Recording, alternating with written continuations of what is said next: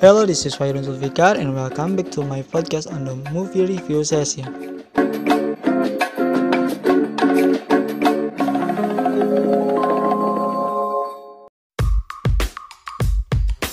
Today, I will review a movie named The Social Dilemma.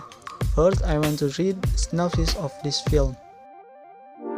The Social Dilemma is a 20,000 American docudrama film directed by Jeff Orlowski and written by Orlowski, Davis Coombe, and Vickie Curtis. The film explores the rise of social media and the damage it has caused to society, focusing on its exploitation of its users for financial gain through surveillance capitalism, and data mining, how its design is meant to nurture an addiction, it, its use in politics, its effect on mental health, including the mental health of adolescents and rising teen suicide rates, and its role spreading conspiracy theories such as Pizzagate and aiding groups such as Flat Earthers. The film features interviews with former Google Design, Ethics and Center of Human Technology co-founder Tristan Harris, his fellow Center of Human Technology co-founder Aza Raski, Asana, co-founder and Facebook like button co-creator Justin Rosenting, Harvard University professor Susanna Zuboff, former Pinterest president Tim Kendall, AI now Director of Policy Research Rashida Richardson, Yonder Director of Research Reni Diresta, Stanford University Addiction Medicine Fellowship Program Director Anna Lindbeck, and virtual reality pioneer Jaron Lanier.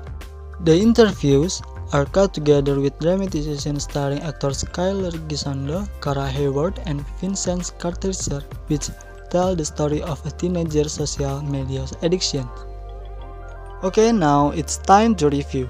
I think this film is very interesting and well produced film. They present the important figures behind major social media companies in the world. This made me more interested and believe in the information uh, they tell in the film. This film truly discusses things I didn't know before about social media. The plot of the film is presented well, accompanied by actual graphic and footage that exist in real life and they also present illustrations such as mini films that show us situations that are happening in some family.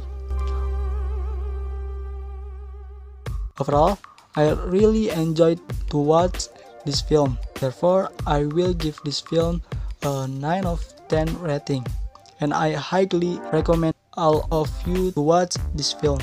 From this film, I can learn that social media is very impactful thing for life. So we must be able to make the best use of social media.